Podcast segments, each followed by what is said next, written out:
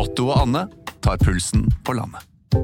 Ja, det gjør vi. Jeg heter Otto Jespersen, og hva var det du het igjen? Jeg heter Anne Grosvold, og hver uke har vi med oss en interessant gjest. Det har vi. Otto og Anne tar pulsen på landet, hører du der du hører podkast. En podkast fra Podplay. Ja, dette heter altså Alex Rosén reiser til Mars, og sjelden har vel bruken av presens vært mer korrekt. Han er på vei. I dette øyeblikk så leviterer han ca. 4,5 cm over stolen sin eh, på min venstre side, der hvor jeg nå har fått ørebetennelse. Hva, hva, hva betyr det? Å levitere? Levitere. Uh, levitas, altså du, du, du svikter litt på latinen din i dag. Jeg spør jo hva det betyr. Det betyr at du svever. Svever, ja. Ja. Ja, ja. Eh, Så der slo vi fra oss to poenger i ett, føler jeg. Eh, Men i hvert fall så er det sånn at han skal til Mars, og det er ingen tvil om. I hvert fall i hans eget sinn, og etter hvert også stadig mer i både mitt og kanskje også ditt, som eh, lytter på, for eh, dit skal han, ja. Og, men den aller, aller viktigste grunnen til at du vil være med til Mars når Elon Musk og andre på, for alvor begynner forflytningen opp dit, Det dreier seg om bærekraft. Eh, det, det er et veldig kort og greit svar, men det sier meg ingenting, egentlig. Det dreier seg om å, å gjøre jorden lettere å leve på. Eh, Ja, Den blir jo og- ca. 120 kilo lettere når du drar den. Alex Rosén reiser til Mars.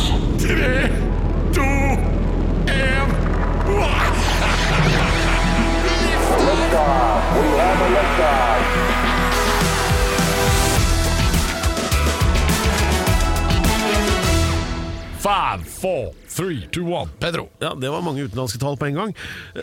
Det er jo sånn at uh, svært mange spørsmål melder seg umiddelbart når du sier at du skal reise til Mars.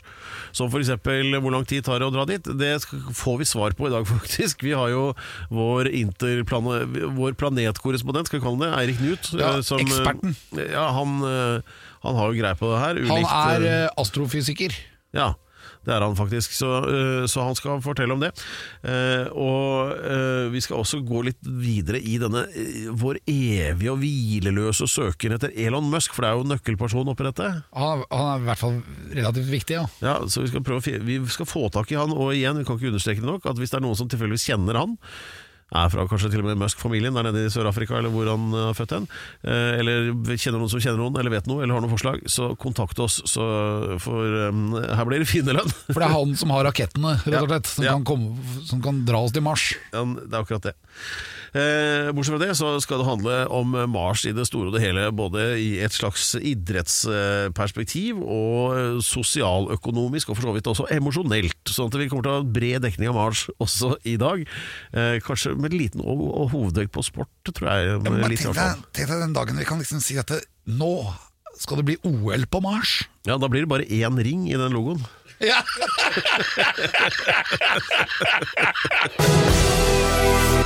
Og nå Cosmic Update. Eh, og I dag skal det handle om eh, meteoritter. Eh, det var en periode, og det var sånn rundt 1999 til 2001, så var det en hel haug med sånne filmer som eh, handlet om meteoritter eller asteroider som hadde full fart og krasja inn i jorda. Hvis ikke Bruce Willis i tide tok et sånt fly og kjørte opp der og monterte 86 atombomber og sprengte dem i filler før de traff jorda, da. Akkurat så han klarte det akkurat, liksom. Ja, ja, og seg sjæl i samme slengen og win-win. Satt, vel- satt vel mange og tenkte på kinoen da. Men eh, nei, altså, vi hadde et meteornedslag i Norge denne uka. Ja, det hadde vi. Det, Hva skjedde? ble, det kom en, eh, en meteor da, fra Ja. verdensrommet og dro over Oslo. Ja. Så du, de Hva mener du med over Oslo? Det, I lufta over byen. Å ja, så den kommer skrått, den kommer ikke rett ned? Nei, den kommer ikke sånn. Nei, ok. Den kommer ikke sant, for den, Det er ikke som et liksom, piano du slipper ut fra tolvte etasje? Nei, helt riktig, for dette, vi har jo ikke sant, vi har en, jorda går rundt. Stemmer det. Også, i det, dette, det, det treffer jo ikke ned i jorda, det har jo en fart, noen hundre tusen kilometer i timen. Ja, ja. Men idet den nærmer seg jorda, så blir den dratt med jorda, for jorda går rundt. ikke sant? Ja. Du kan si at det, himmelen, Hvis du skal se fremover når du står på jorda, så må du se mot øst. Det er den himmelen vi møter. Det er der ting kommer fra. Sola kommer opp der, månen kommer opp der. Og etter hvert atomrakettene atomraketten også Ja. kommer østfra, tenker jeg. ja. Men Mars kommer der, Jupiter, alle planetene kommer opp i øst. Så det er veien vi går. Så det vi sier ha det til, det er der hvor sola går ned. ikke sant? Nå blir det natt, nå blir det mørkt. Ja. Og her, Det samme skjer med meteorer. Når de kommer innover, så, får de en eller annen, så blir de påvirket av det at jorda går rundt. Og Derfor så kommer de sidelengs inn over. Og det gråeste bildet her var jo det bildet av Oslo, med den meteoren som bare dundra over Oslo. Det var litt oversida, men du så liksom den streken da Men rett vest for Oslo, den retningen den hadde da, Nei, den dro, øh, ja, den dro mot Drammen, blir det jo da. Nei, den dro ikke mot Drammen, den gikk litt nordover, tror jeg. Ok. Så den hadde den retningen, da. Men den ble jo påvirket og kom sidelengs inn.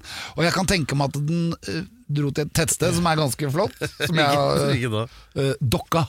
Du kan tenke deg Ja, ja, Det er bare det jeg kan tenke meg ut ifra okay. hva jeg har lest, og, det, og hvilken vei den kom. Men den kan ha kommet enda lenger opp, altså litt nærmere kanskje Lillehammer eller Ja, Det er jo andre veien. Nei, nei. Dokka og Lillehammer ligger den veien, Pedro. Det er nordover av Oslo. Nei, la oss ikke henge oss opp i akkurat det. Du har jo geografisk nedsatt stesans. Ja. Som en gullfisk. Lillehammer ligger lenger øst enn Oslo, det gir jeg meg ikke på. Lex Luthor, han er eh, Han fienden til Supermann. Han har dårlig stedsans! altså. Ja, han, eh, og det har du òg, Pedro. ja, okay, jeg, Det er derfor jeg aldri gir deg roret når vi er ute og seiler. For da vi seiler hjem igjen med en gang. Nei, pluss at eh, de der eh, tankskipene er vanskelig å få øye på på natta. Ja, det vet vi. Ja. Men eh, nok om det. Eh, altså Denne meteoren datt jo ned. Hvor, s- det, her, er, eh, her er size matters når det gjelder meteorer. Eh, hvor stor var den? Ja, Det hadde jo vært en meteoritt hvis den hadde vært liten. Mikrometeoritt f.eks., men de brenner opp i o- overflaten. Eh, jeg, den meteoren som gikk over uh, Russland, som smalt ut og, og drepte folk på bakken, Ja. den var nok svær. Den var vel kanskje litt større enn en folkevognbuss. Jeg vil tro den som var her, siden det ikke ble så mye skade på bakken, så kan den ha vært litt mindre enn det, da. Kanskje en sånn blanding av en moped og Eller kanskje i mopedstørrelse. En, en, en, eh, for eksempel en, en Puck 50? Ja, det vil jeg tro. Men jeg, jeg har ikke sånn superpeiling på meteorer. Det hører jeg. Men jeg har eh, bare sånn generelt Litt sånn som han i Dagsrevyen, når han har peiling på sjukdommer. Hvem da? Litt sånn, jeg, jeg husker ikke hva han heter for noe. Men han tar- Harald, det er Håvard. Han suger på fingeren, og så kjenner han ut hvor blåser det fra. Tar i hvert fall alltid bak den fingeren først. da. Ja, litt sånn også er er jeg, da, når det kommer til meteorer. Men jeg er veldig hypp på at du og jeg Per, skulle blitt sånne meteorsøkere. For hvis du finner den, så er den meteoren verdt masse cash. Det er så mange som er hypp på meteorer. Og hvis vi hadde sett hvor den landa, så kunne du og jeg gått rundt med lommelykta og lett etter Det kan være et sånn nytt og ukjent metall, sånn lurium 2000. Som, Lurium 2000. Ja, men, men, har de, men har de ikke funnet den? Eller? Nei, jeg vet ikke om de har funnet den, men nå er, det kan jo hende. Men, og da kommer det i avisen. Ja, for at hvis, ja, hvis det er oppe på Dokka ved Mjøstrakten der, sånn, der har de det ikke travelt. Så det er jo mer sånn Nei, jeg tenker vi går ut og ser etter denne til våren. Ja. Tror du ikke det er sånn? Jo, så tar de en liten tur ned om Biri, og så går de tilbake igjen. Ja, setter alle penga på hest, og så Men det blir der. Men nei, så du vet egentlig, for å summere opp da, din informasjon om denne meteoren, det er altså absolutt ingenting. Det, Ja. ingenting. Det kan vi si. Ja. Det er grunn til å lure på, Alex, hvorfor skifta de navn fra Peking til Beijing? Fordi Donald ble slutta å bli gitt ut. For at det var, der het det Peking. Vi skal til Peking. Og det er det norske navnet på Beijing. Peking. Ja. Pe og hvis du skal ha Peking-and, så nytter det ikke med Beijing-and, for da, hva får du da, liksom? Ja, det er vel noe soggy dritt. Ja. Jeg husker bare nede på House of China, den der eh, som lå nede i Kanskje den er der enda, i Torgata like ved Rockefeller i Oslo. Veldig bra sted, altså. Sushi og diverse kinesiske retter uh, i annen etasje. Sushi er japansk, da. Jo, men de har er sånn generell blanding. Ja, generell asiatisk. De, det er typisk for kinesiske restauranter, egentlig. De har jo sikkert noe masse thai og koreansk der òg. Ja, og dimsum. Men min favoritt var rett nummer 46 på, på menyen der nede. Vet du hva det var? Nei. Nudelsuppe med svineri. Oi, oi, oi! Det var sånn bilde. Men, da, men logikken var Det er ikke stavfeil, de har tenkt sjæl, bare. Eh, og det er at eh, det er jo da en nudelsuppe, og så er det da grisekjø... Eller svin, ikke sant? Så tenker de at eh, ok, nudelsuppe med altså svin Men det er ikke bare én, det er flere biter. Så da er det sviner. Ja. Ikke sant? Én svin sviner, sånn tenker de. Og det er i suppa. ikke sant? Så Nudelsuppe med sviner i. ja. Ja, ikke sant? Det var helt topp, det. Og, det. og det var veldig god. Eh, og spiste det flere ganger. Og kunne rekke opp hånden og be på kelner. Er det mulig å få litt mer sviner i suppen? Fantastisk. Ja, sånn, eh, men, men ok, eh, nok om det. Grunnen til at vi snakker om Beijing og Kina er at nå starter OL i Beijing. Og Rosén, har de forberedt dem på dette? Ja, jeg er helt klar jeg nå. Ja. Det er jo veldig mange som har fått korona og sånn, da. Så det er jo, henger jo litt sånn en tynn tråd. Men det, Alt det generelle OL-stoffet blir dekket av andre medier, ikke like godt som av oss, naturligvis. Men, men la oss fokusere heller på selve fenomenet OL og vårt tema, som er Mars og space in general. ja, jeg vet ikke, jeg har vært i OL en gang, og da mista jeg akkrediteringa på dag én. Det må jo være en eller annen rekord. Hvorfor det? Jo, fordi at jeg hadde jo det, Akkreditering er jo et slags sånn bevis som forteller at nå kan du gå inn for den døra der, Ja. eller du kan gå backstage. Ja, du var jo på jobb for Kongelig norsk kringking, rikskringkasting. Kongelig norsk rikskringkasting, ja, og jeg skulle jo rundt og intervjue folk som jeg var interessert i. da Ja. Så jeg husker jeg eh, intervjuet det jamaicanske bobsleigh-laget. Oi sann, sånn kalde rumper. ja, og der lukta det jo hugg, for å si det sånn. Det var vel uh, Ok, så de Ja, nettopp. Jeg Ja. Så jeg, og så fant jeg ut at eh, han eh, Gerhard Heiberg var i huset ved siden av, så jeg skulle hente Gerhard Heiberg for å vise han det jamaicanske bobsleigh-laget. Ja, så skaffe, skaffe dem Risla som sponsor. Ja. og i dette her så ble det så mye tullball at jeg mistet akkrediteringen på dag én, så jeg kom meg jo ikke Det ikke ble noe litt for hyggelig sammen med det jamaicanske Ja. bob, bob, bob. Og det var, jo, det var jo flere sånne situasjoner da som gjorde at jeg måtte jo hente det kortet hos eh, han der vennen til Heiberg, han Ja. Samaranch, han som da var IOC-sjef. Ja, nettopp.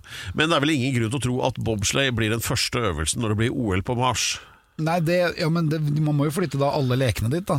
Og det er jo masse snø der rundt omkring. Så det, oh, ja. det må jo være mulig å ha vinterolympiske leker der. Ja, men det tenker jeg jo at det er litt andre forhold, sånn at, som vi snakket om Jeg tror det blir dritkult å se kunstløp. Ja. Når du kaster opp damma, så tar det åtte ganger salto før jeg lander igjen.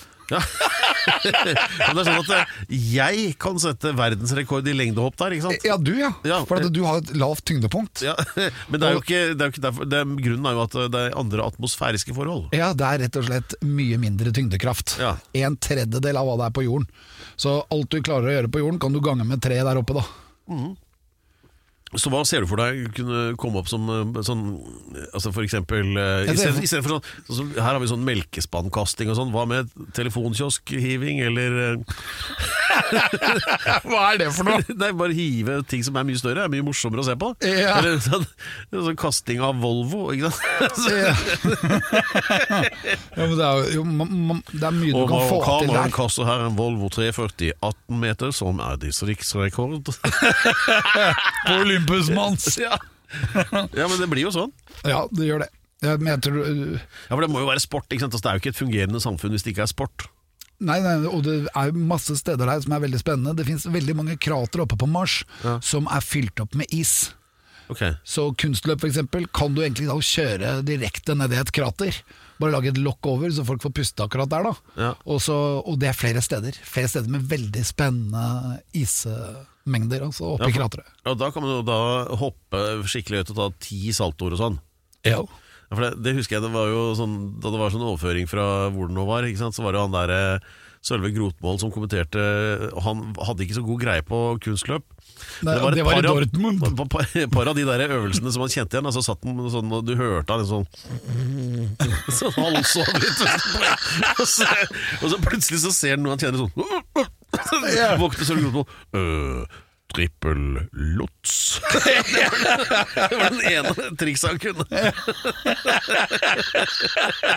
Jeg vet ikke hva Fantastisk. trippel lots er, men Nei, det er nok noe du gjør tre ganger, da, siden det heter trippel. du kan regne med det. Så en eller annen som het lots eh, var jævlig god på, da.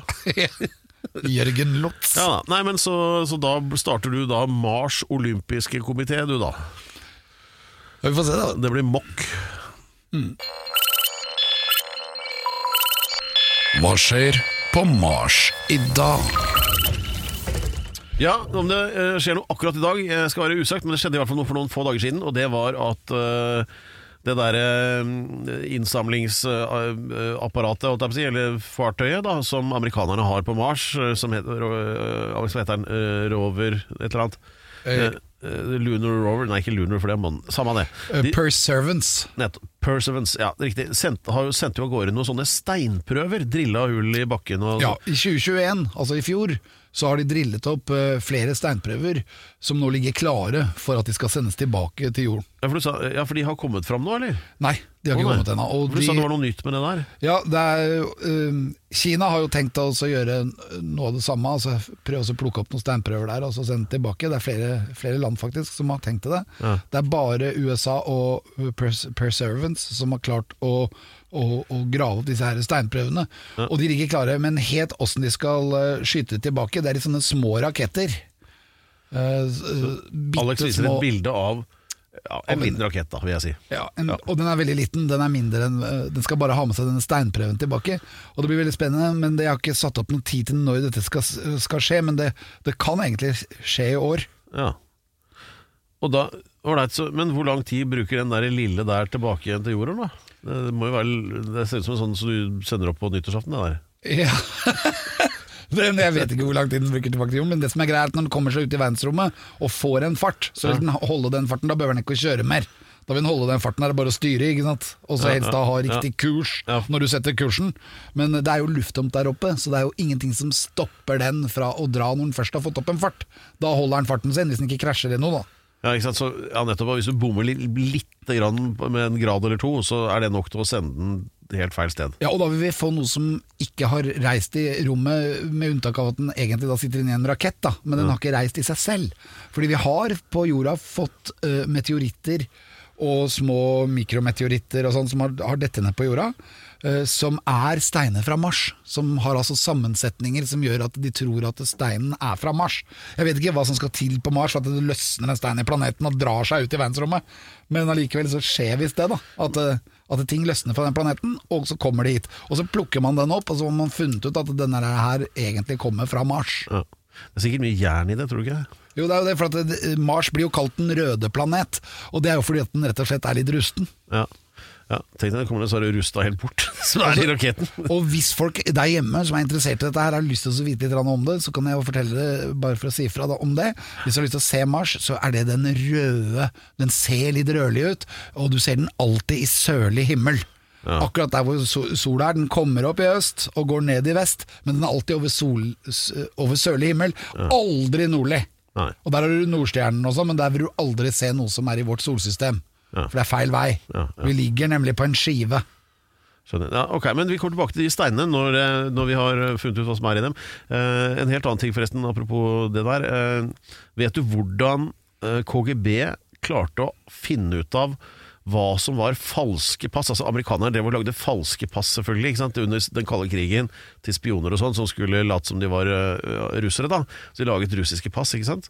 Uh, som var perfekt laget, for det var jo de beste på, i faget ikke sant? av amerikanske sånne uh, i CIA som hadde laget det. Men øh, russerne fant likevel ut at ah, ah, disse her er ikke ekte. Vet du hvordan? Ja, det var kanskje pga. vannmerket, da. Nei, alt det var helt perfekt. Det var de stiftene i ryggen på passet. Fordi En ting de amerikanerne ikke hadde fått med seg, det var at selvfølgelig i de ekte russiske passene altså det står det i Russland var- hadde så lav kvalitet at de begynte å ruste ganske fort, de stiftene. Mens amerikanerne brukte rustfritt stål i sine stifter. Så at eh, når en sånn kontrollør i Russland da så et pass som var mer enn liksom tre uker gammelt, og den stiften ikke hadde begynt å ruste ennå, så visste de at det var fake. det var sånn smell det går an å gå på. Ja, Ja. Altså, ikke minst så handler det jo om Mars og rust. Eh, ja, det, det absolutt. Hva er navnet på din aller største hel- helt? Eh, Det er Elon. Ja. Jeg tenkte på en ting En ting som er litt rart med de der bilene han har laget, de Teslaene. Det er navnet. En Fantastisk navn. Ja, Tesla det er, bare- helt utrolig. Det er jo rappa fra den eh, Var han tsjekkisk, egentlig? Nikola Tesla. Nikola Tesla, ja. Han, men han ø, opererte i USA. Ja, altså Tesla var jo en, en fysiker som eh, langt på vei var eh, enda kvikkere i nøtta enn både Einstein og andre. og- og- Veldig tidlig ute med ting. Og, Han er jo helten Delon, Elon, Ja. ved siden av Lyngordon. så, så han brukte bare det navnet istedenfor å komme på noe sjøl. Men det jeg syns er rart, når du først skal liksom ha det til å være litt sånn østeuropeisk At han ikke brukte litt sin, sitt eget navn. Og da tenkte jeg på en sånn god, godt gammelt bilmerke. Hva med Muskovic? Ja, Ja, Hadde ikke det vært bedre? jo, men For det var en som het Moskowitz. Men det, det, er ikke noe, det er ikke tullball at han har kalt den Tesla, fordi at han er veldig fan av Nikola Tesla. Ja, ja. Og Nikola Tesla han var jo en fysiker. Men, og som, de gamle Moskowitz-bilene de var ikke så bra. nei, det er jo den gamle bilen fra Russland. Ja, det er det jeg mener. Ja, den var veldig bra. Varmeapparatet virka i hvert fall, til og med på sommeren. Ja, men jeg tror, tror flere hestekrefter i varmeapparater enn selve motoren. Det var faktisk det. For det var jo helt umulig å sitte i det, for du ble så svett. Så hvis du, kjør, hvis du kjørte mellom Oslo og Trondheim, så ble bilen fem kilo lettere bare pga. rust. Ja. Som, altså, som fatta. Men, men, men. Eh, nok om det. Eh, vi er i hvert fall ute etter Elon Musk av en veldig god grunn, og det er at eh, Alex eh, her eh, skal jo til Mars og trenger haik. og den eneste som har eh, raketter og som har en plan for den slags, og drap opp dit, og, og også for så vidt også da losji når man kommer frem, det er Elon Musk. Så vi trenger å få tak i han. Nå har vi noen følere ute, eh, men vi er jo veldig åpne for forslag. Ja, Hvis det er noen som hører dette her, så ta kontakt med oss. Det kan dere gjøre på Instagram f.eks. Der har vi en konto som heter Alex Rosén reiser til Mars. Ja. Eh, Skriv noe der, og si ifra. Gi oss et telefonnummer, eller si hvem dere kjenner, så vi kan få til dette her. For dette her er vi nødt til å få til. Dette her skal bli en slags crescendo i, i denne podcasten. Ja. At vi faktisk møter Elon og få stilt de spørsmålene vi har, som er faktisk litt mer intelligente enn eh, alle de andre spørsmålene han får hele tida. Ja. Og så har jo du, Alex, fått laget en sånn egen sånn eh, Alex søker etter Elon-jingle. Ja, kan ikke vi høre Den på den? ble jo laget mens du kanskje var i et litt vel sånn erotisk men, ja, Ja, men Ok, dere får dømme selv. Vi, vi det får er høre på den. sant? Livet har så mange sider, og det er viktig å gå i dybden på alle. Ja. Kjør jingle. Alex. Alex Rosén vil møte Elon Musk. Kjenner du Elon? Si ifra at Alex er på vei. Han kommer til Texas om en måned eller noe.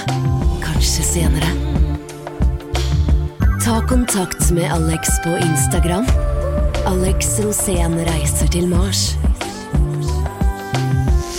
Alex Rosén reiser til Mars. Ja, flott den, altså. En gang til. Nei Han kommer til Texas om en uke eller noe. Ja, men jeg Du kom jo jobba ikke der. ikke så mye med teksten, skjønner jeg. Nei, men det viktigste her var jo å få fram budskapet. Ja, Og det kom klart frem. Ja, Det er viktig at vi får snakket med sjefen, han som har tenkt til å ordne denne Mars-raketten, og han som har en plan på å redde jorden fra global overoppheting. Han er den eneste jeg veit om som har en plan. Alle andre de, kommer liksom med reguleringer, mens han har en hel fullstendig plan om hvordan vi skal redde jorden. Så hvis du eh, som hører på nå kan hjelpe oss med det, altså alle tips eh, mottas med takk, og hvis eh, du får til å rigge opp et sånt møte, da er det eh, finnerlønn, en kraftig finnerlønn, og Alex, hva er det? Eh, Det er å få, da, skal du få til å bli med. Ja. Ikke til Mars, men til Elon. Ja. Men en ting til, som jeg må, må bare si. Det er at eh, i for forrige, eller forrige måned, eller jeg, det, er- det er en liten stund siden, men for meg så var det noe nytt jeg fant ut i går, for at jeg driver så mye research for dette programmet her. Ja. Og det ene, det var det at eh, Elon han har funnet opp en helt ny rakett som skal gå på CO2. Så han skal faktisk ut i verdensrommet nå og plukke opp CO2, putte det inn og justere den CO2-en, da, sånn at den blir antennelig. Og så er det drivstoff til rakettene som skal gå til Mars. Så det var et av disse tingene han skal gjøre for å redde jorden fra global overoppheting, fordi det er en drivhusgass. Og vi er nødt til å bli kvitt noe av den eh, CO2-en for å få ned temperaturen på jorda, sånn at den ikke koker over. Og det er jo dritbra! Det betyr at han får vekk litt av CO2, da, og det var ny informasjon for meg, og derfor vil jeg dele den med våre lyttere. Helmaks Elon.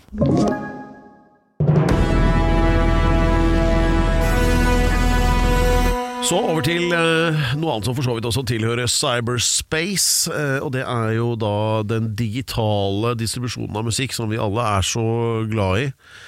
Men det er mye krangel også. Den siste uka så har det vært mye bråk fordi eh, Spotify har eh, kjøpt opp og betalt eh, elleville summer for å ha Joe Rogan på sin plattform eksklusivt. Da Joe Rogan er kanskje denne planetens største sånn podcaster. Og jeg, jeg vet ikke helt hva tallene er, men det er jo sånn mange millioner som, eh, som hører på han. Og han en frittalende fyr som eh, vel egentlig var eh, ja, hva var han? Noe Den sånn ukjente sønnen til Ronald Reagan. eller Et eller annet Nei, men, men i hvert fall. Joe Rogan er der og har sagt Han er sånn frittalende og har da tydeligvis sagt et eller annet som går nesten sånn i retning med å gi sympati til vaksinefordektere. da Dette er jo ikke alle som liker.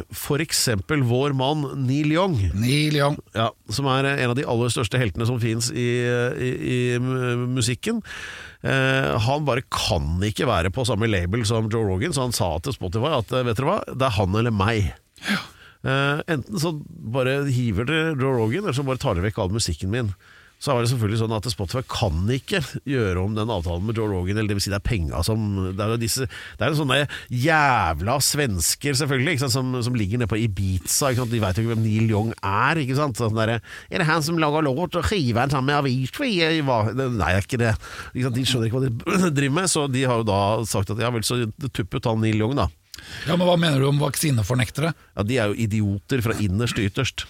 Ja. Ja. Og da mente vel Neil Young det, da? Ja, han har helt rett. Og nå har jo også For øvrig så er det min kones firmenning, Joni Mitchell, eh, kastet seg på og blir med Neil Young. Så det er liksom den gamle ligaen, dette her, da. Men hva tenker du om dette, Alex? Jeg tenker at Det er litt sånn uh, hvilken generasjon du er i.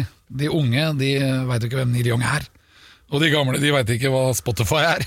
Så da, da Nei, men liksom det er jo, altså Spotify ha, ha, det har- jo blitt altså, et sånt eh, I utgangspunktet skulle jo da digital distribusjon av musikk gjøre det litt sånn fritt og demokratisk, og alle får være med og alle får spille, men egentlig så er det jo trangere og jævligere enn noen gang. Og Spotify, ja, det fins noen andre Tidal og sånn, men egentlig ikke. For det er én sånn derre The Jabba the Hut of music streaming, så det er Spotify. Du har ikke noe valg, du er nødt til og det, det er som om det bare var én musikklabel, ikke sant? Og alle måtte inn på samme. Det er jo litt sånn, er det ikke det? Jo. Så som, som, ja, men altså, jeg mener som, som utøvende artist og musiker, så må du jo blir du ikke litt sånn uh, forbanna, og ikke minst uh, fordi vi holder jo uansett med Neil Young i en sånn diskusjon. Ja, det ville jeg nok gjort, men jeg, sant, jeg, jeg tenker sånn hvis- jeg skal til Mars, da hvordan hadde jeg forholdt meg da hvis jeg hadde hatt med Joe Rogan og Neil Young i en sånn romrakett? Og det blir som å være i band. Ja. Jeg, har, sant, jeg spiller i band, Alex Rosén and the Young Dudes, og disse Young Dudesa, da, halvparten av bandet mitt er vaksinemotstandere! Det er helt krise! Ja, Men de, de lider jo under, under litt sånn der mangel på informasjonstilfang. Ja, det er helt sikkert! De er ikke, men- men- det, er ikke det, det, det de bruker penger på, er ikke avisabonnementer, for å si det sånn. Nei, men de er så sta også, så de er jo de er motstandere fordi de mener at de har rett. De, de er motstandere av å bli fortalt noe som helst. Ja, De er helt sikre på at det er Bill Gates som skal putte inn sånne mikrochipper i kroppen din Nei, for å overvåke deg når du drar på jobb. Ja. Ja, Men- det, er helt, det er helt fantastisk. Og Det nytter ikke å prate med dem, så de sitter aleine og kommer ikke inn et eneste sted og får ikke reist til utlandet. Nei. Ok, men eh, Og, og det, det kjipe med det er jo at folk dauer av denne sykdommen, så det er jo det Neil Young tenker på. Han tenker jo på alle de gamle folka som kommer til å dø hvis de får korona. ja.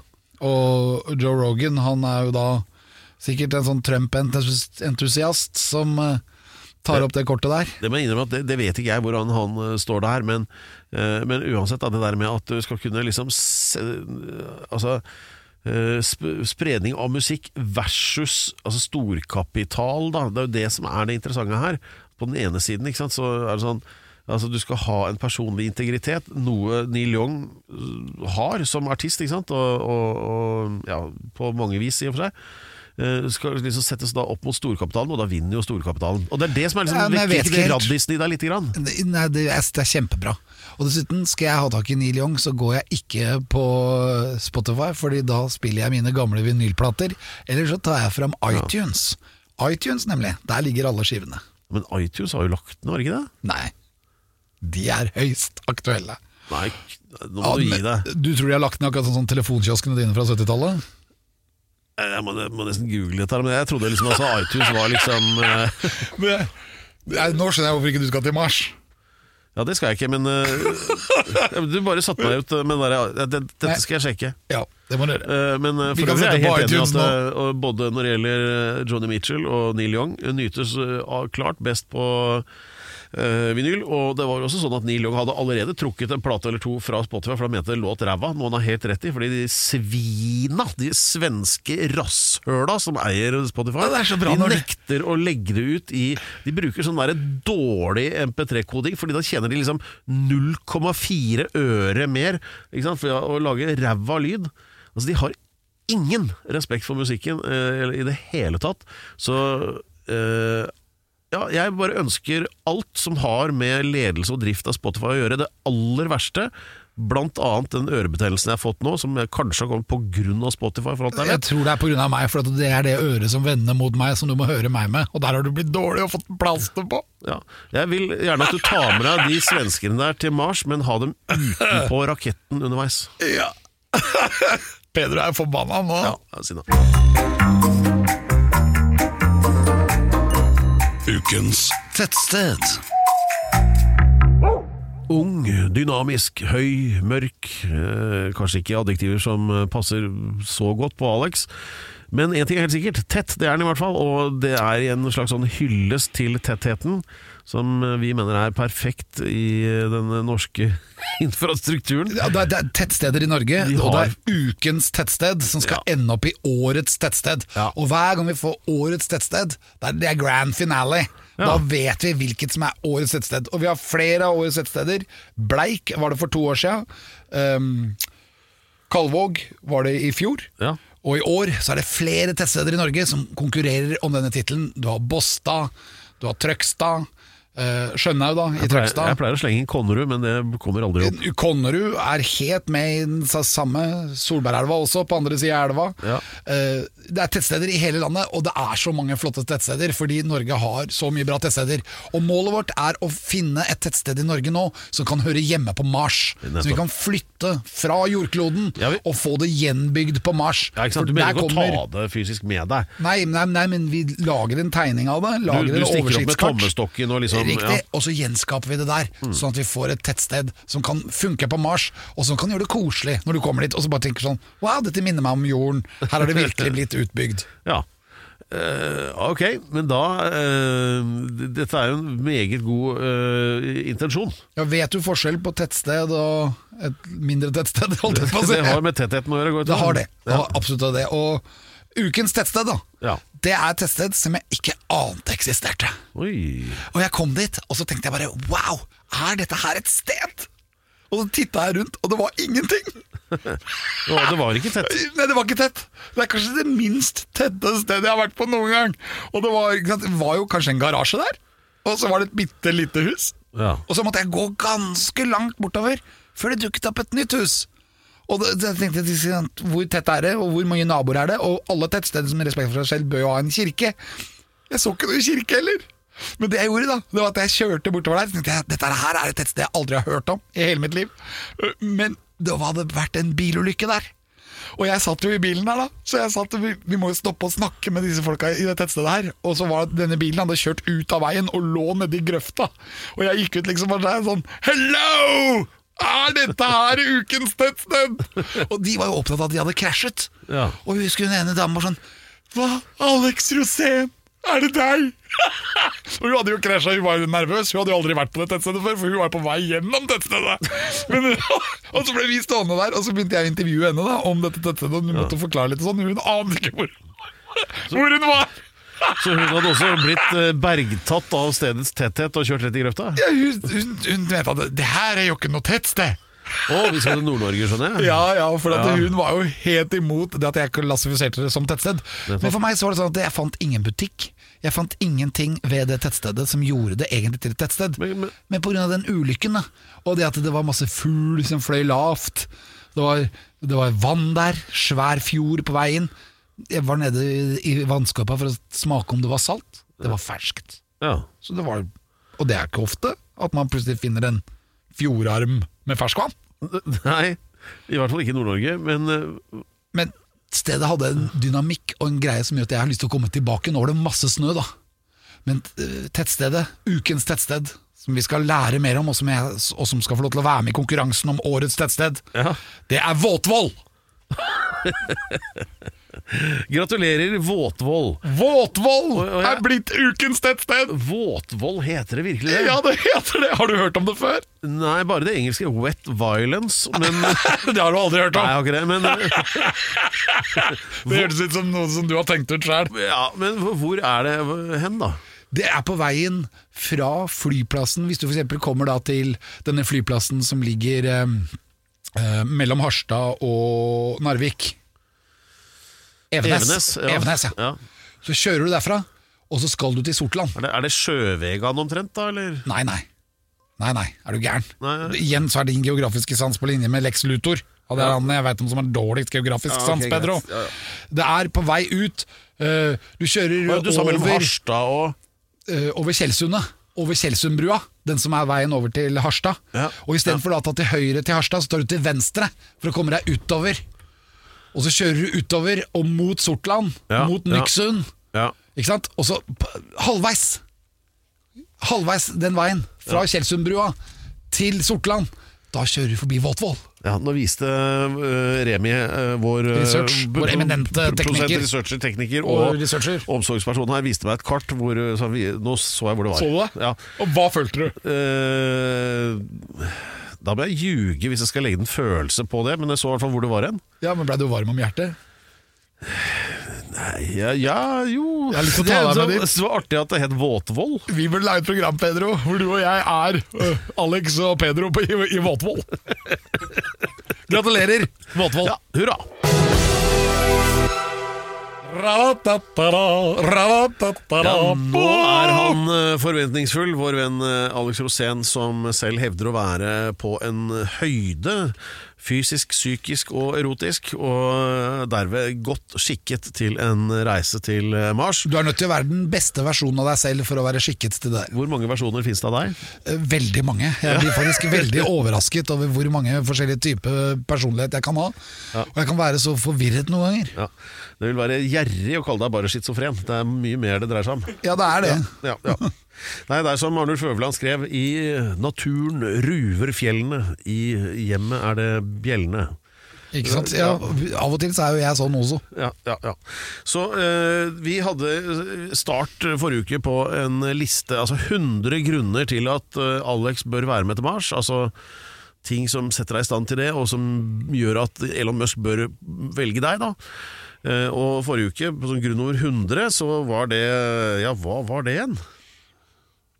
Jo, det var det at du Arvemateriale. Ja, stamtavle Altså Arve, du- At jeg hadde en veldig spesielt arvemateriale genetisk godt skikket til Ja, å Og også da til å forflere deg, som du kaller det, Ja. der oppe. Jeg kan forflere meg selv Du vil egentlig være sånn avlshingst. Ja, på den måten at eh, jeg har et veldig bra arvemateriale Ja. Så i hvert fall hvis du tar DNA-test og ser hva, de forskjellige Det er jo masse forskjellige tall Og de tallene ser ganske bra ut Ja. Eh, Jeg ser for meg deg som montert i sånn Sånn som de bruker på hester, sånn der avlsbukk. Altså, de, de tømmer jo bare disse hestene får Ja, du vet. Ikke ja. Du må Sånn sp sprøyte på litt sånn. lukt Yes, Houston, we have mounted Mr. Rosen in the bench. and We are ready to drain. Yes. Står der sånn. Vi får se om det går da Ja, vet Ja, ja, nøyaktig bokstavelig talt akkurat det. Ja. Eh, greit, men i dag, grunn 99 til at uh, du bør være med til Mars. Oppmerksom eh, På dimensjoner Altså at Ja, jeg, det, nå, nå, jeg har den ørebetennelsen, så jeg, jeg hører feil hele tida. Jeg syns du sa oppmerksom. Ja, jeg sa det Ja, Sa du det? Ja, at jeg er oppmerksom Og at jeg har sosial intelligens Altså oppmerksom Ja. eh, på mennesker At jeg får med det Og ikke sant, det er jo, når vi reiser til Mars Så er det jo stor fare for at vi kan møte Nye sivilisasjoner Ja. Eller Marsbeboere da Som vi kunne kalle det i gamle dager altså Små grønne menn som vaser rundt og ordner opp Ja, ja, ja. ja. Og da, jeg er veldig bra generelt søreuropeisk Og nå tenker jeg at det jeg kan være bra i språk Til å kommunisere Til å med kommunisere, med aliens. Sosial intelligens, det vil jeg si er punkt nummer 99 Ja, Det blir et viktig øyeblikk i det øyeblikket man treffer på aliens, for det vil kunne skje. Ja, det, og vi vet jo ikke om det vil skje, men det kan skje. Og da er jeg en sånn kamerat som lett uh, knytter vennskapsbånd. Du tar den nærkontakten av tredje grad. Ja, jeg kan snakke med dem, jeg kan ordne opp, og jeg er jo vennlig, og så kan jeg dra på litt, og halla folkens, where are everybody? Ja, Vi vet jo egentlig veldig lite om aliens, sånn at de er veldig slimete og legger egg.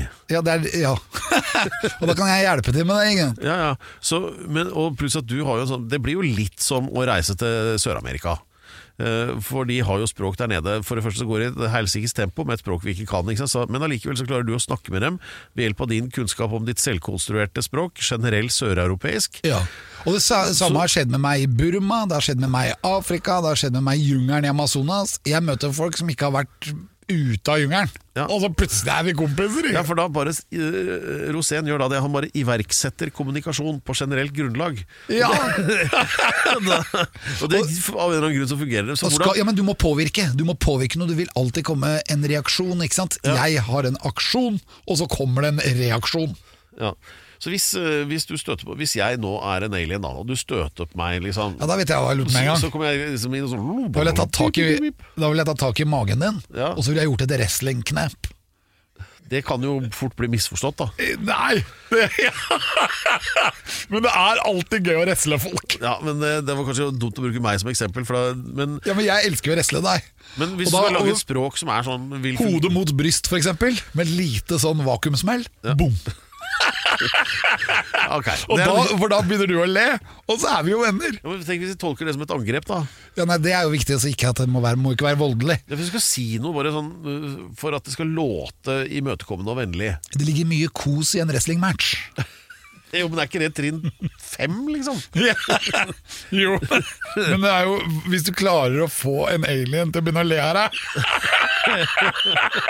Du forutsetter at de har humor. Ja, de har selvfølgelig humor. De har jo vært aliens i årevis. Ja, ja. og er det bare ondskap og krig og lyst til å, å være, i krig, Ja. så vil jeg jo få en smell, sikkert. da ja det, det, ikke sant? det er akkurat det der. Å få en smell av en alien, det høres jo ikke ut som noe du vil. Nei, ja, men det er, Vi må bare være i kontakt. Man er nødt til å ta kontakt. Ja.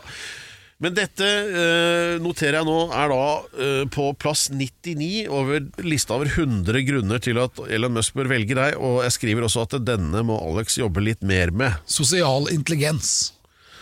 Ja, det er greit nok, men, Det er altså, punktet heter det. men hvis du skal sitte og selge inn dette til Elon Musk og si at du åpner med et wrestlinggrep, så er det ikke da Nei, men Det bruker å si Du bare åpner med å si sosial intelligens, så får han tenke resten sjøl. Så kan vi ta det med wrestling litt seinere. Fordi wrestling kommer jo når vi, når vi liksom må fleipe litt. Kommer du til å, res kommer du til å wrestle med Elon Musk når du møter han nå? Ja. Lover du? Ja. det, det, det, dette opptaket skal jeg ta vare på. Det har du lovt nå. Jeg løfter opp Elon Musk, så snur jeg han opp ned, og så hopper jeg i bakken. Det vil bli funny. Og så er det veldig gøy også å ta beina rundt magen og klemme, for da kommer det mye morsom lyd. The Human Accordion. Ok, da har vi en plan for det. Det var grunn nummer 99. Eh, sosiale evner og språk. Og snart skal vi høre på Eirik Knut, da, som har peiling på hvor lang tid det tar å reise til Mars. Og det tar faktisk litt tid.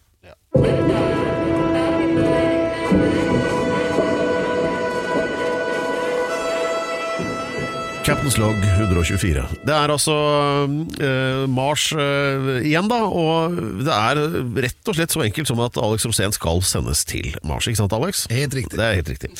Og uh, vår, eller din, da, slags Vi har en fadderordning her, og det er altså Eirik Knut, altså astrofysiker og podkaster, som er her for å sette ting litt på plass. Eh, og egentlig helst da bekrefte det du hevder. Og så langt så har vel det gått ganske bra? Ja, men Eirik Knut, vil du bli med?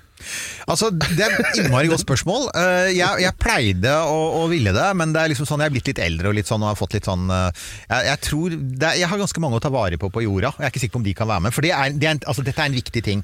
Og det er når du reiser til Mars, så blir det litt som da folk dro til Amerika for 150 år siden. og det var at Antagelig vil du aldri se slektningene din igjen, ikke sant? for dette var for langt. Så den tingen vi, For nå tenker vi på det. Å ja, hvis du flytter til utlandet, å ja, du bosetter deg i USA, ja, men da ses vi, da ses vi på neste gjenforeningsfest. Vi ses, om, vi ses til sommeren, ikke sant. Ja. Sånn var det jo ikke da, fordi det var jo seks-åtte måneder å komme seg tilbake, og det var farlig. Sånn er Mars også. Ja. Og ikke bare det, men du kommer aldri til å kunne ha en konversasjon med noen på jorda, for det er 10-20 minutter hver vei, så det er sånn hei, og så venter du 20 minutter, og så får du svar, ikke sant. Ja, Det er jo sånn det egentlig er å tekste med han nå. det Ja, der er det det. Så der, er- han er allerede forberedt. Men det poenget er at, at de, altså, det du, du faktisk, altså hvis ikke du drar med hele familien din, så må du bare huske på å ta, ta med deg noen venner, så bryter du innmari mange sosiale rela- relasjoner. Og jeg ser at den begynner å bli litt høy, den kostnaden. Og det er antagelig å gjøre med at jeg er blitt litt eldre. Det var sånn, da jeg var sånn 25, så sa jeg whatever. Det er klart det. det jeg får meg nye venner. Og nå som jeg liksom er sånn, begynner å nærme meg 60, tenker jeg ja, jeg har jo faktisk jeg har jo et nettverk, og shit, skal jeg aldri se dem igjen? Det er kjipt, da!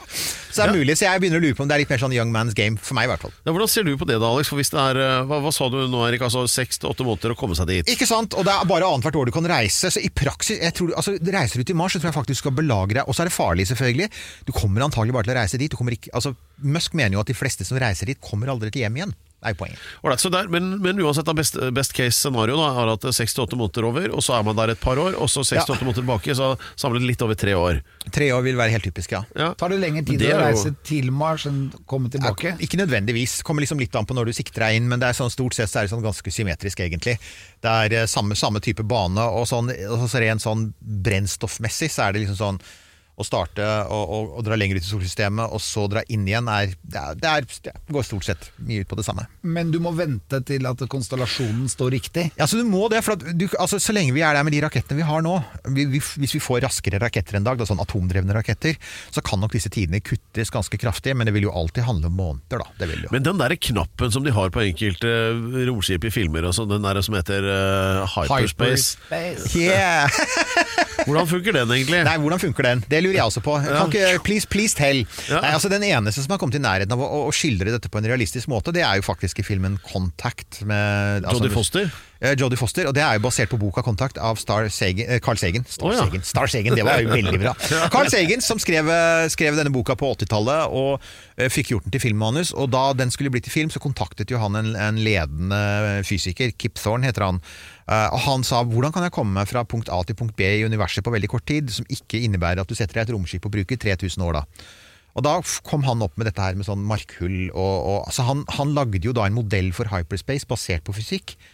Så Derfor er det man av og til sier at jo, kanskje du kan reise inn med et sånt markhull og ormehull. da. Wormhole. Wormhole. Problemet er bare at alt vi, tyder, alt vi ser nå tyder på at det ikke er mulig å reise gjennom dem. Så, så vidt vi vet nå, så er det for øyeblikket nå, så er den eneste ting du kan gjøre, er å ha, reise til stjernene. er å ha innmari, innmari god tålmodighet. Og en bra gasspedal. En Veldig bra gasspedal, men selv da, altså. Nei, så vi er, vi er veldig langt unna det. Ja, så sånne, så atomraketter er tingen, da. Ja, atomraketter er tingen, og de fantes jo faktisk. NASA hadde dem jo klare i 1969-1970. Ja. Eh, og så ble de langt på vei stoppa pga. motstanden mot atomteknologi. Og det er jo et, det er jo et kinkig punkt også på Mars. fordi eh, altså man sier ja, hva, skal du, hva slags energi? Du trenger jo energi for å drive dette samfunnet. Og som vi vet, Mars har, ingen, har jo nesten ingenting av det vi har på jorda. Altså vi, er, vi er veldig energirike. Vi har liksom sånn vann og vind, ikke sant? og vi har bioenergi og tre og masse fossil energi. Solceller. Solceller, De har solceller på Mars, men som vi har sett, de er mye mindre effektive fordi de er lenger unna. Og så har de støvstormer som gjør at med jevne mellomrom så forsvinner nesten alt lyset. Det drepte jo Opportunity, den lille roboten, for noen år siden. For da, altså Sollyset datt ned til ca. Sånn 0,1% av normalen. Det var nesten svart.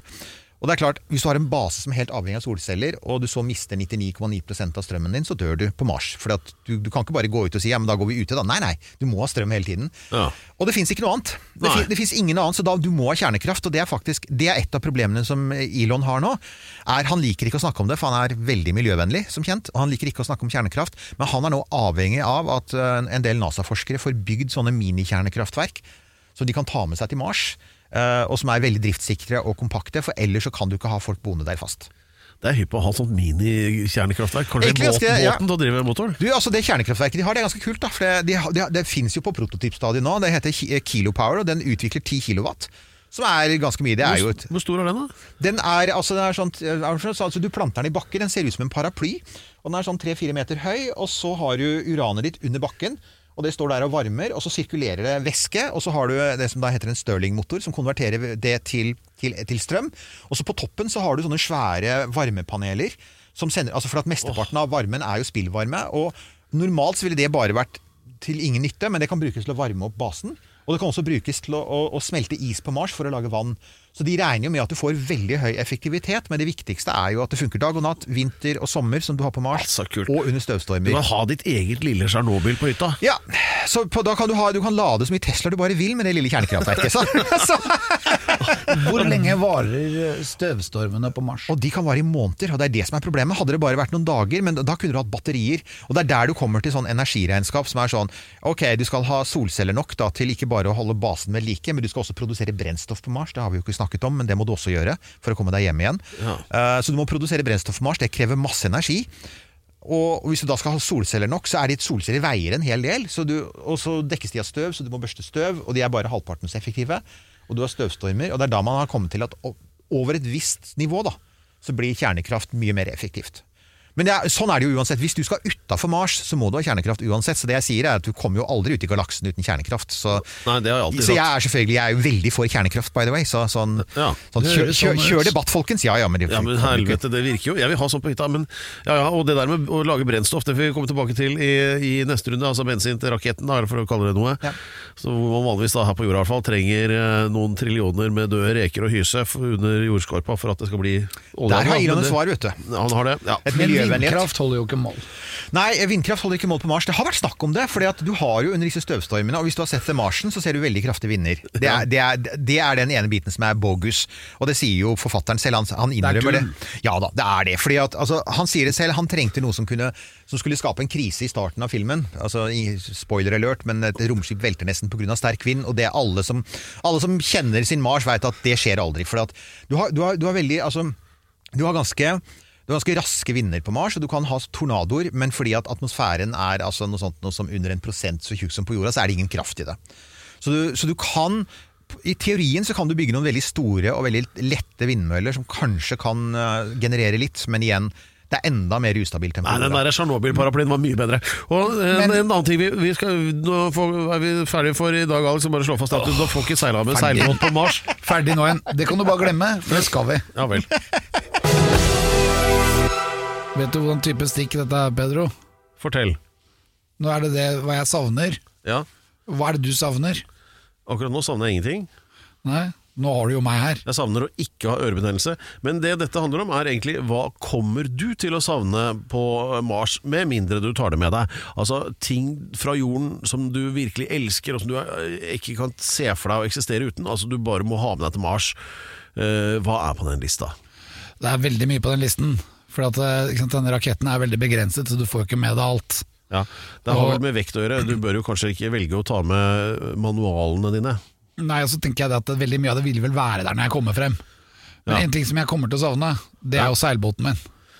Også en ting som kanskje ikke er lurt å prøve å selge inn til Elon sånn i første omgang. Men jeg tror på et tidspunkt når vi får lagd hav på Mars, Ja. at det kommer et hav, så er jo en av mine største drømmer er jo å kunne seile på Mars. Ja, da tenker jeg på den derre 'Hvem kan segla foruten vind'? Ja, Det er jo vind der oppe, men det er, det er ikke så sånn mye. meteorittstorm, har du kalt det. Ja, og den vil jo bli slutt på når du får eh, opp eh, gravitasjonen på planeten, og når du får vekk dette her eh, Eller får skapt et magnetisk skjold, da, som gjør at de, de meteorittene ikke plager deg. Ja, det, er masse, så- det tar jo masse tid å gjøre det, så da har du jo tid til å la, bygge en båt da, mens du er der oppe. Ja, og da håper jeg at man får til det. Ja. Og jeg vil regne med at det går, og når det havet kommer. Men jeg bare vet ikke hvilket år dette skjer. Er jeg liksom 70 år når det skjer? Ja. Eller er jeg 80? Og på et eller annet tidspunkt så kan du ikke seile så mye heller, så da må jeg få noen andre til å seile, og så må jeg sitte på dekk og være 90 år, da. Og bare ta til babord! Det er litt sånn Erling Lorentzen-style. Ja, og det jeg savner aller mest da, det er å komme frem til en lagune. For det er ingenting som slår det. Når du har funnet en lagune, og du kommer seilende inn, det kan være på natta, det kan være mørkt, og du kommer inn, og du finner deg en bra ankringsplass, og du får skrudd av båten, motoren, du får satt på litt varmeapparat hvis det er kaldt, eh, og du får den lagunefølelsen, det kan blåse hatter og høy, men inni den lagunen er det helt fredelig, det er stille sjø, og du bare legger deg ut på dekk, og det er stjernehimmel, og du kan sitte og se på Mars eller Venus, ikke sant? Som bare går over himmelen. Jeg har til og med en gang så har jeg klart altså, å ta bilde av Jupiter Shine.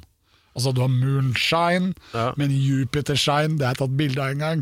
Og da lå Jupiter akkurat i hav, havglippen, og så lagde den lys spor i vannet. Og det er sånn Wow! Jeg opplevde opplevd det én gang! som, eh, Så jeg får som- gåsehud nå! Ser du det? Fordi Jupiter Shine ser du, er har faktisk en. ja, men det er den følelsen av å komme fram til en lagune med seilbåt er eksepsjonelt fet. Og jeg håpet at jeg skulle oppleve det på Mars, men eh, vi må få dette havet i gang ja, først. Da. veldig ambisiøst dette her. Jeg så for meg liksom at du mente at du skulle liksom ha med et ludospill eller noe sånt, men, eh, men ok. Ja, det, men det kan du ta med, for det veier jo ingenting. Lagune kan jo Det er liksom vanskelig å ta Jeg ser for meg liksom Laguna Ja, men- Beach i, i California. Når havet kommer på Mars, så vil det være lagune på det Mars. no- da lager du jo den der, da. Nei, ikke nødvendigvis lagunen, for den vil jo komme når vannet pipler frem, så vil det jo bli en dybde i havet, Ja, og da da vil det det bli naturlige. Det var seilbåt. Ja, ja, ja. Så øh, greit. Så du kan ikke egentlig være noe sted uten å ha en seilbåt, du. Nei, egentlig ikke. og Nå har jeg jo solgt den seilbåten, så det er litt dumt, da. Ja, og nå fikk du mye savn i fjeset. Ja, jeg savner den hver eneste dag. Nei, Når sola begynner å Eller dagene blir lengre og det blir litt bedre vær og sånn, så kommer du ut og plutselig bare har vært et eller annet sted og kjøpt en båt og bare veit det. Ja. Du har støtt på en eller annen fyr ute på ei brygge et eller annet sted som hadde Nei, jeg har liggende den der her. Jeg tar den. Ja. det kommer du til å gjøre. Ja, men det er jeg for det bare. Det er måten å være på havet og føle at man blir kaptein og Ja, skal, du, skal du skal liksom begynne å stå på land og se ut på fjorden, eller? Nei, jeg gjorde jo det i fjor, og det var så trist. Ja, det går jo Bare surfing, liksom. Hva er det for noe? Ja, nei. Så på lista over ting du bare rett og slett må ha med, seilbåt, eller i hvert fall en tegning av en seilbåt, så du vet hvordan du skal få lagd det. Følelsen å komme fram til et sted, Ja. og følelsen av frihet ved å hele tiden kunne reise. Det er ingen grenser under havet, vet du. Det er ikke det. Ok, Pedro, dette Ja. her begynner å telle nedover til en avreise snart, da. Ja, det gjør det. altså Jeg bare hadde et lite innspill på det der med ting du kunne tatt med deg, eh, men jeg kom på en annen løsning. For det er én ting jeg for eksempel, ikke kan eksistere uten, og det er oppvaskmaskin. Men eh, hvordan hadde det sett ut hvis du kjøper en på Elkjøp eller Power, en oppvaskmaskin, da, og så krysser du av for den derre 'leveres kunden hjemme'? Altså sånn der posterestante Rosén Mars, og så må de liksom Så har de betalt 499 kroner, så må de levere den der! Det Da får de et problem. Nei, de kommer ikke til å få noe problem, for det kommer til å bli leveringer av utstyr. Det kommer til å gå sånne tankskip. Ja, men Det er en jævlig er bra da- deal å få en oppvaskmaskin sendt til Mars for 399 kroner. Ja, hvis du Det er trenger det da. Nå er det jo veldig mye tubemat da, øh, når du er i verdensrommet. Og den monterer du jo bare ved siden av munnen, ikke sant? Og så tuber den inn maten du trenger. Og når den tuben er ferdig, så går jo den i grillen. Ja, det hørtes veldig stusslig ut. Eh, du, eh, vet du hva? Vi eh, skal gi oss nå, sånn at folk får gjort noe annet i dag også. Og det gjør vi da ved å minne om at dette er en podkast som du må anbefale til absolutt alle du kjenner. Ja, det, er, det må jo også tenkte vi også Spre, del og nevn. Og så er det en ting vi trenger på Mars som vi har tenkt veldig mye på, det er at Mars må jo ha en nasjonalsang. Ja, svarteste. Her vi bor på Mars. Ja, men Hvilke nasjonalsanger syns du er bra? Jeg syns nesten alle nasjonalsanger er bra. Jeg syns den russiske er så bra. Det er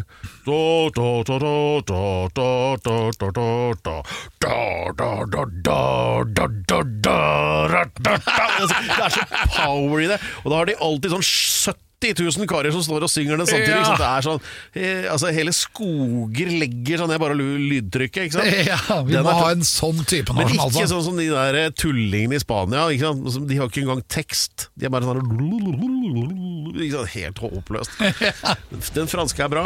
Den norske er ikke så verst, den heller. Nei, den er bra den nå. Amerikanske. fe- Fedrene har kjempet, og mødrene har grett. Det er kanskje litt utdatert. Ja, og Amerika ja, men fedrene kjemper fortsatt, de. Ja, Men ikke den der Star Spangled Banner. Altså, det, uh, altså, Henriks leverte den ultimate versjonen, det, så den er ferdig brukt, liksom. Ja. Jeg, jeg, jeg heller mot den russiske som en sånn ledesnor. ja, og ikke minst den burkinafasiske. Ganske fett. Ja, vi eh, setter strekk for det der. Eh, Jeg ønsker hjertelig velkommen tilbake neste uke eh, til en sterkt forbedret versjon av Alex Rosén reiser til Mars. Tusen takk.